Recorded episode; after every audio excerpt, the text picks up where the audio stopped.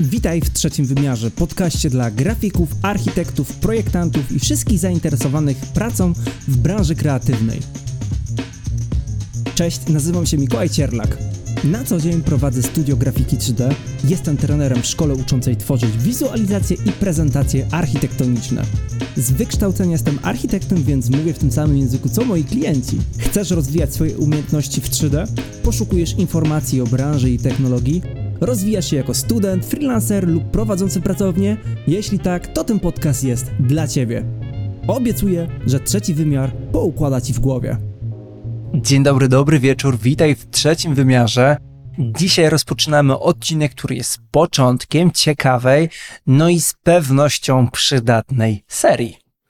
Bo będziemy mówić o tym, jak efektywnie pracować jako freelancer w branżach grafiki 3D, architektury czy projektowania przede wszystkim grafiki, myślę, ale ta wiedza jest bardzo, myślę, taka jak woda, przyda się wszędzie. No i bardzo cieszę się, że rozpoczynamy ten temat, który chciałem poruszyć już w zeszłym roku. Jednak z uwagi na liczne obowiązki jestem w stanie tworzyć podcast tylko co dwa tygodnie. Tymczasem w grudniu, przez ostatnie tygodnie, wystartował mój newsletter Dobry Freelance to właśnie on jest inspiracją dla dzisiejszego odcinka i wszystko to łączy się w piękną całość. Newsletter Dobry Freelance to cykl artykułów, które opowiadają o pracy na własny rachunek o jego wadach i zaletach, ale także o radzeniu sobie z tymi typowymi problemami, które często są wskazywane przez freelancerów w branży. Dlatego przez najbliższe 8 odcinków, jeśli właśnie teraz dołączysz do newslettera, będziemy przechodzić przez takie tematy jak wady i zalety freelancingu. W szczególności przejrzymy się wadom, bo one właśnie wyznaczą tor kolejnym artykułom. I Dlatego rozwiniemy potem temat dobrej organizacji, czyli jak mieć wszystko poukładane, dobrej oferty, czyli jak zbudować ofertę przyciągającą klientów. O dobrym projekcie porozmawiamy, jak tworzyć projekty, które będą zachwycać. Porozmawiamy o portfolio, czyli jak stworzyć portfolio, które przyciąga wzrok o współpracy, czyli jak dbać o relacje z klientami i o mindsetie. No i w ramach newsletteru jest także jeden dodatkowy artykuł niespodzianka. No i biorąc w nim udział, otrzymasz szansę na pogłębienie tych tematów z dodatkowymi detalami i moimi poradami, które trudno przekazać w formie podcastu. Newsletter można uznać za taki zestaw narzędzi zawierający rekomendacje aplikacji, książek, ale również omawiający sposoby tworzenia ofert czy portfolio. Jeśli chociaż jeden z tych tematów Cię interesuje, zapraszam na moją stronę www.cierlakmikolaj.com newsletter, gdzie możesz zapisać się do tego projektu. Po zapisaniu się Twój artykuł będzie pojawiać się w każdy poniedziałek rano. Daje to czas na zapoznanie się z materiałem, ale również na przemyślenia i wdrożenia po zaznajomieniu się z całą treścią. Tytułem odcinka jest 7 filarów dobrego freelansu, dlatego przejdźmy do tego i postaram odpowiedzieć się na pytania związanymi z każdym z tych poruszanych zagadnień. Zacznijmy od tego, że wyjaśnię, czym moim zdaniem jest freelancing. I freelancing w swojej istocie to nie tylko praca na własny rachunek, ale przede wszystkim styl życia to wybór niezależności, elastyczności i możliwości dostosowania pracy do własnych potrzeb i preferencji. Freelancerzy mają unikalną możliwość kształtowania swojej kariery, wybierając projekty, które odpowiadają ich zainteresowaniom i specjalizacji. To także odpowiedzialność za własny rozwój, zarządzanie czasem czy finansami. Jednakże freelancing to nie tylko swoboda i nieograniczone możliwości to również wyzwania związane z niepewnością dochodów, potrzebą ciągłego poszukiwania nowych zleceń oraz zarządzaniem własną marką i relacjami z klientami. Freelancer musi być nie tylko specjalistą w swojej dziedzinie, ale również strategiem, marketerem i negocjatorem. No i to, co wyróżnia freelancing, to różnorodność doświadczeń i możliwość ciągłego uczenia się. Każde zlecenie, każdy projekt to nowa przygoda, nowa lekcja. Możliwość pracy z różnymi klientami na różnorodnych projektach pozwala na zdobywanie cennych doświadczeń i rozszerzanie horyzontów. Freelancerzy często współpracują z innymi twórcami, co umożliwia wymianę pomysłów i technik pracy, a także budowanie sieci kontaktów zawodowych. Zatem podsumowując, freelancing to szansa na budowanie kariery według własnych zasad, ale też ścieżka wymagająca samodyscypliny, kreatywności i gotowości do stawiania czoła wyzwaniom. Dla wielu jest to droga do realizacji osobistych i zawodowych aspiracji. No i freelancing nie musi też być pracą na pełen etat. Możemy dorobić jako twórcy, wykonując dodatkowe, mniej wymagające zlecenia, z którymi możemy poradzić sobie pracując na jedną czwartą etatu.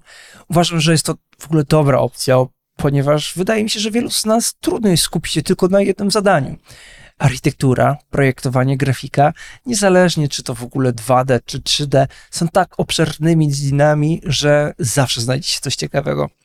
W zależności od naszej ścieżki kariery, ten freelance może oznaczać zmierzenie się z wieloma różnymi wyzwaniami, które będą bardzo kreatywnymi zadaniami. Wyobrażam sobie wiele scenariuszy. Możemy projektować wnętrza i dodatkowo tworzyć wizualizacje, tworzymy grafikę 3D i wykonujemy rysunki techniczne, jesteśmy architektami, może tworzymy wizualizacje na konkursy. Tego jest sporo i możliwości tego podziału są liczne.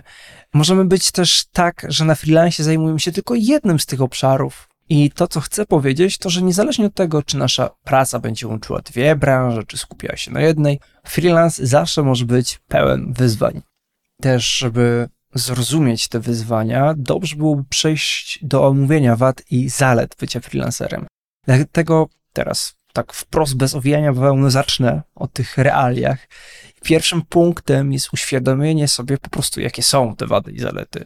To może brzmieć śmiesznie, ale moim zdaniem budowanie świadomości na temat naszej pozycji, kierunku, w którym chcemy podążać, jest niezwykle ważne.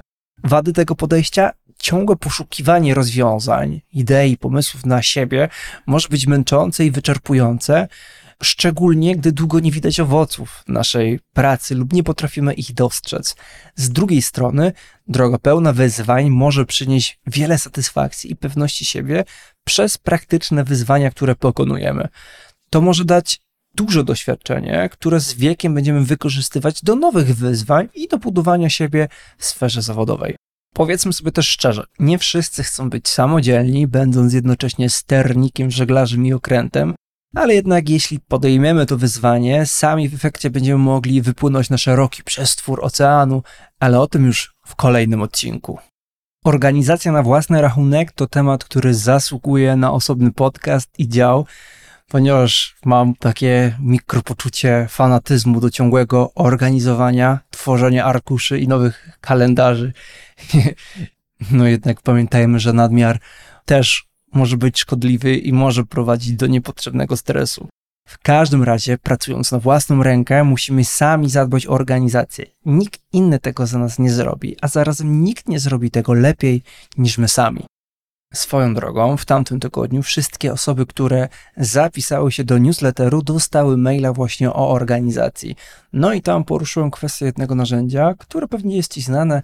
Jest to Notion, nie ma tego co ukrywać. Notion jest moim zdaniem fajne i pokazałem, jak ja organizuję swój dzień. I trudno byłoby mi to po prostu tutaj opowiedzieć, dlatego tam to pokazywałem na screenshotach i jakichś takich drobnych rzeczach, które mogą pomóc zrozumieć to lepiej.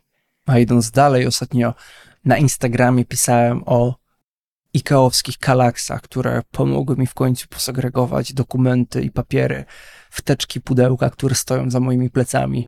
No i to też jedna z rzeczy, o której warto pamiętać. Drugą kwestią, a myślę, że najważniejszą, jest organizacja w naszej pracowni przy naszym narzędziu pracy, który w 99% przypadków raczej będzie laptopem czy stacją roboczą no i też w sumie telefonem. No i ciekawostką jest to, że dopiero niedawno odkryłem siłę etykiet w Google Mail, mimo że we wszystkich innych aspektach mojej pracy już od dawna stosuję etykietowanie. Bycie na własnym etacie, niezależnie od jego wielkości, czy to jednej czwartej na czterech czwartych, czy sześć czwartych, zawsze wymaga organizacji, aby po prostu zawsze wiedzieć, gdzie co się znajduje. No i pracując na jedną czwartą etatu, pracując na pełen etat, pracując na pełen etat z nadgodzinami, nieważne co robię, zawsze chcę być tak zorganizowany, aby poszukiwanie jakichś ważnych rzeczy, nieważne czy to związanych z biblioteką 3D, z rysunkami, dokumentami, z czymkolwiek, zabierało mi jak najmniej czasu, żeby biurokracja zabierała mi najmniej czasu, żeby wszystkie moje procesy zabierały jak najmniej czasu. Po prostu chcę być tak zorganizowany, żeby mieć jak najwięcej czasu i mogę zorganizować dosłownie wszystko, tworząc schematy, do których będziemy wracać, gdy będą nam potrzebne. Jeśli chcesz odnieść sukces w freelance, musisz dobrze się zorganizować. Można zorganizować sobie proces organizowania. Można zorganizować sobie proces tworzenia ofert. Możemy zorganizować proces rozmów z klientami w trakcie ich pozyskiwania. Możemy zorganizować projekty, w ogóle ich lokalizację, położenie na kompie, ale w ogóle to, jak je robić. Możemy zorganizować poprawianie portfolio, wszystko. O organizacji mówimy na początku, bo jest ona kluczowa w ustrukturyzowaniu wszystkiego.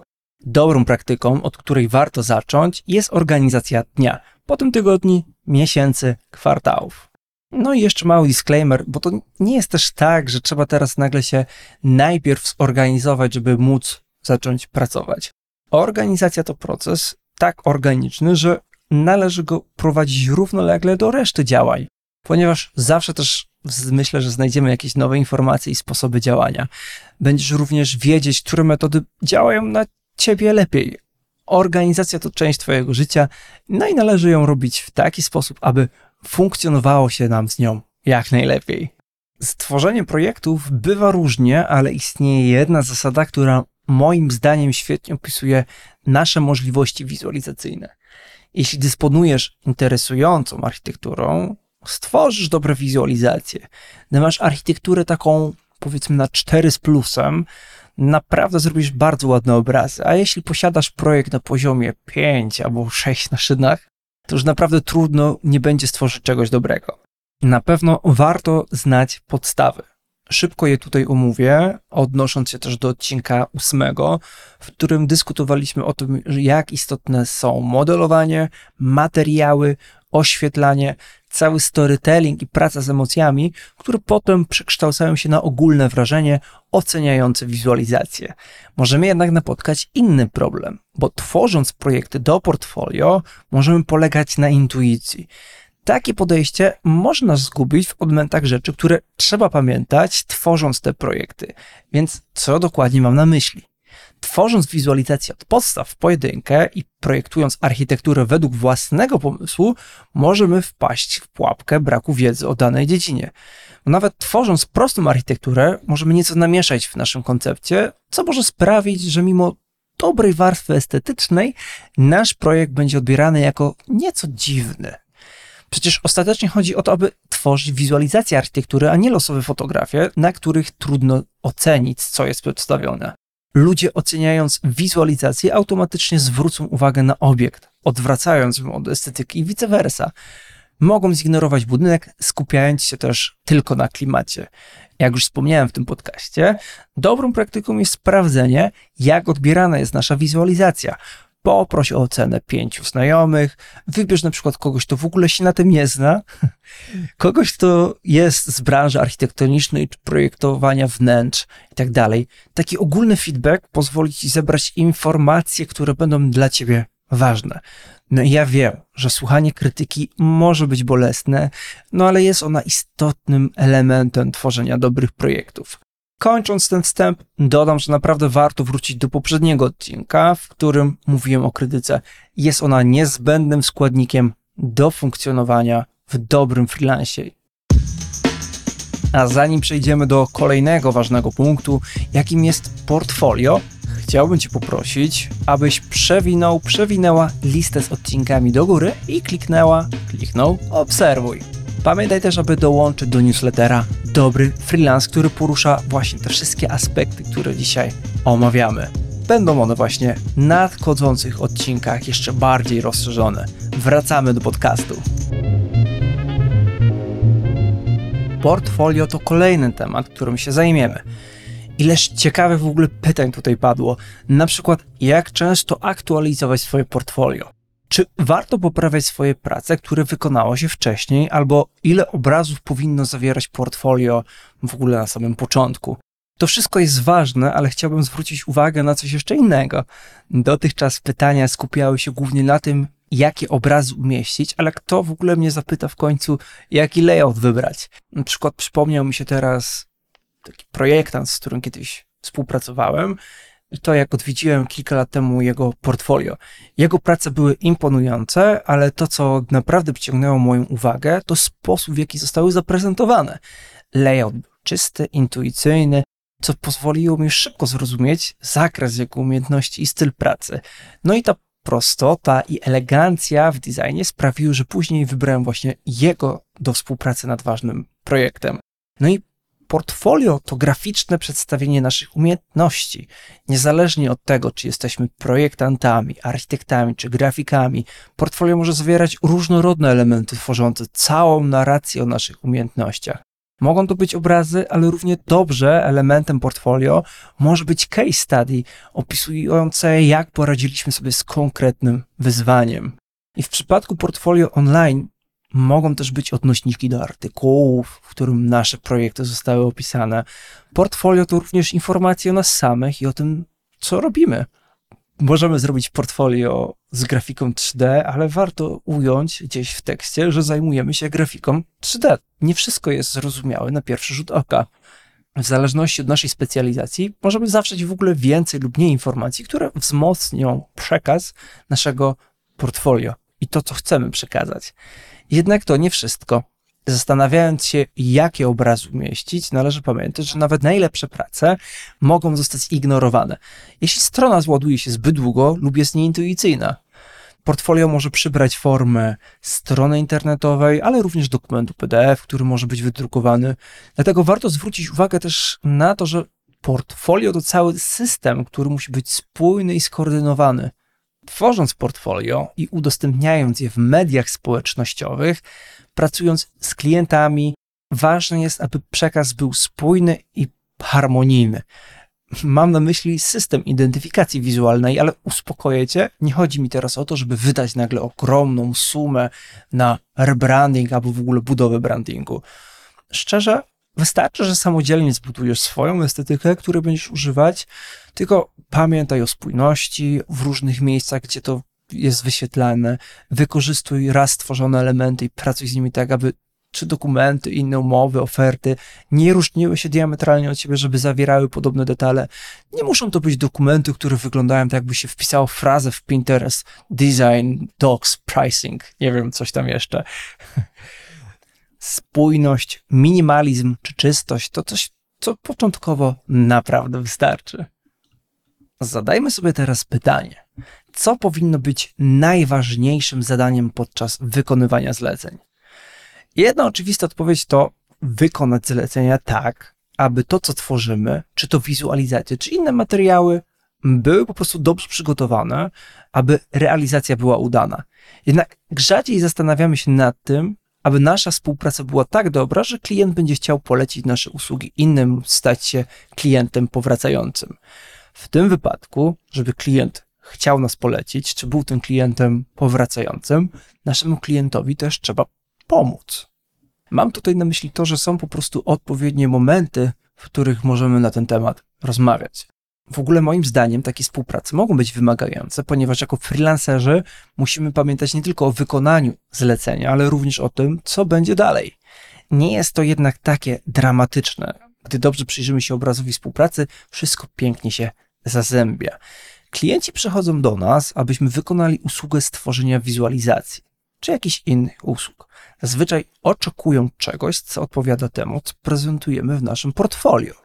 Na początku jest więc nieco łatwiej, ponieważ wystarczy, że damy z siebie to, co potrafimy, aby stworzyć estetyczne obrazy, które będą stylistycznie dopasowane do potrzeb klienta. W trakcie tworzenia wizualizacji, a jak wiesz, można je podzielić na etapy, możemy przeprowadzić klienta przez ten proces. Dobra współpraca to taka, w której jasno komunikujemy, na jakim etapie jesteśmy, a kiedy przekażemy materiały, trzymając się wstępnie ustalonych terminów. Oczywiście bez nerwów. Terminy mogą się przesuwać i nic się nie stanie, jeśli pójdzie coś nie tak. Ważne jest jednak, aby rozróżnić je pomiędzy miękkimi a twardymi deadline'ami. Przesuwanie miękkich terminów jest akceptowalne, ale możesz zaskarbić sobie serce klientów, dostarczając wszystko na czas zgodnie z twardymi ustaleniami. Chodzi tu przede wszystkim o terminy, których nie możemy przegapić, takie jak spotkania, prezentacje, konkursy itd. Jest to szczególnie ważne w przypadku konkursów, o których opowiadałem w odcinku piątym. Konkursy architektoniczne okiem grafika 3D. Na zakończenie dobrego zlecenia zrób sobie przerwę na jeden dzień, dając klientowi także możliwość odetchnięcia. Po projekcie złap za telefon i zwyczajnie zapytaj o feedback, dopytując o zadowolenie z jakości przygotowanych obrazów, komunikacji i wszystkiego, co Cię interesuje, aby rozwijać swoją działalność. Dobrze przygotowany projekt i jego zakończenie to doskonała okazja, by zatrzymać przy sobie klientów i załatwić najważniejsze sprawy. A wszystko to, o czym tutaj mówimy, to wyzwania. Już w poprzednim odcinku cytowałem Aureliusza, no ale teraz wam tego oszczędzę, ale myślę, że filozofia stoików naprawdę przysłużyła mi się w pracy na wielu płaszczyznach. Nie powiem, żebym był jakimś turbostoikiem. Niestety jeszcze nie umiem zachować takiego spokoju ducha, by stanąć ponad wszystkim, gdy widzę, że wszystko się pali na te parę dni przed deadline'ami. Jednak sama myśl o tym, że nie wszystko zależy ode mnie, naprawdę koi serce w takich najtrudniejszych dla mnie momentach. No i też nie powiem ci, że trzeba być pozytywnie nastawionym, albo że trzeba mieć odpowiedni mindset nastawiony na zarabianie, ani że trzeba utrzymywać work-life balance. Są to słowa, które dla każdego znaczą coś innego. Jedno jednak jest pewne, wyzwań zawsze będzie dużo i niezależnie od tego, w którym momencie życia się znajdujemy i co akurat robimy, zawsze będą one się pojawiać i zabierać część naszej energii życiowej. Każdy z nas ma swoje wypracowane sposoby na radzenie sobie z takimi wyzwaniami i to jest naprawdę wspaniałe, że różnimy się pod tym kątem, ponieważ dzięki temu możemy się nawzajem od siebie uczyć. W odcinku szóstym samemu na pokładzie, czyli o utrzymywaniu motywacji na freelance w branży architektury, projektowania i grafiki 3D, mówiłem dużo o motywacji. Ten odcinek spotkał się z naprawdę fajnymi opiniami, które otrzymywałem od Was na Instagramie. Pozwól też, że opowiem Ci, jak tak radzę sobie z takimi wyzwaniami, które spotykam na drodze. Dobry nastrój i samopoczucie utrzymują się we mnie dlatego, że działam po prostu zgodnie z planem. Jestem osobą, która lubi być zorganizowana i przygotowana na różne ewentualności, dlatego przede wszystkim planuję z wyprzedzeniem, przygotowuję się i działam. Można powiedzieć, że jestem swego rodzaju preferem, bo wchodząc w nowe odnogi życia, niezależnie czy to zawodowego, czy prywatnego, staram się najpierw zgłębić temat, szukając artykułów, książek, filmów, różnych rzeczy. Moje planowanie i działanie zgodnie z założoną strategią działa też w taki sposób, że świetnie się to komponuje z organizacją, na przykład w tych aplikacjach do tego przeznaczonych. Aktualnie znam układ 80% mojego pierwszego kwartału, 50% drugiego. Wstępnie wiem, co będę robić w trzecim i czwartym kwartale, ale to dopiero zaplanuję na koniec pierwszego. I czy moje życie stało się przez to jakieś przewidywalne? Nie. Czy nudzę się, mając wszystko tak poplanowane? Absolutnie nie. Ciągle pojawia się mnóstwo rzeczy i możliwości, które trudno ująć w jeden ciąg wydarzeń. Dzięki temu mam poczucie, że każda chwila jest wypełniona po brzegi dobrymi doświadczeniami. Nie wiem, czy znacie też postać Miłosza Brzezińskiego, psychologa i autora wielu książek z zakresu rozwoju, który wspominał, jak dobrze pamiętam o takich trzech ogrodach życia, które musimy pielęgnować: pracy, domu i nas samych. Trzymając równowagę w każdym z nich, ciężko będzie zaniedbać jeden, a równocześnie skupiając uwagę tylko na jednym, możemy zaniedbać resztę.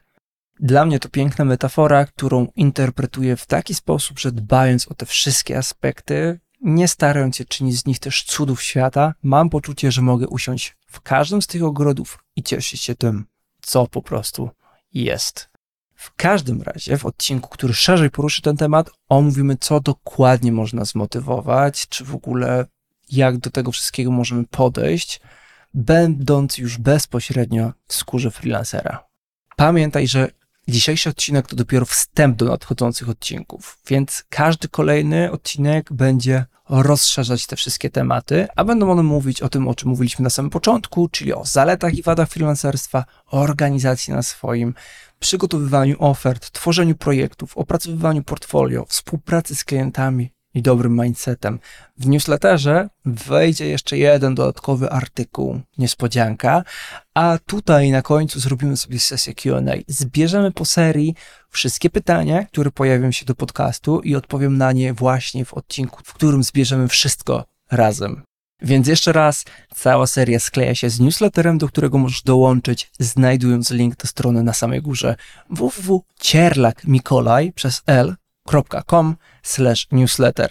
Jest to istotna część nadchodzących odcinków, dlatego że do każdego z poruszonych zagadnień znajdziesz obszerne rozszerzenie, które w konkretny sposób starają się przedstawić to, co nie jest po prostu możliwe do przedstawienia za pomocą audio. Pamiętaj także, że jeśli chcesz nauczyć się tworzyć piękne wizualizacje w 7 tygodni od zera, dołącz do szkolenia w WIS Akademii, w którym jestem trenerem. Słyszymy się za dwa tygodnie. Na dzisiaj to wszystko. Cześć! Bardzo dziękuję za wysłuchanie 11 odcinka podcastu Trzeci Wymiar. Posłuchaj także innych. Całą listę znajdziesz na www.cierlakmikolaj.com podcast. Słuchaj, obserwuj, komentuj, zostaw mi feedback na Instagramie. Linki znajdziesz w opisie tego podcastu. Do usłyszenia.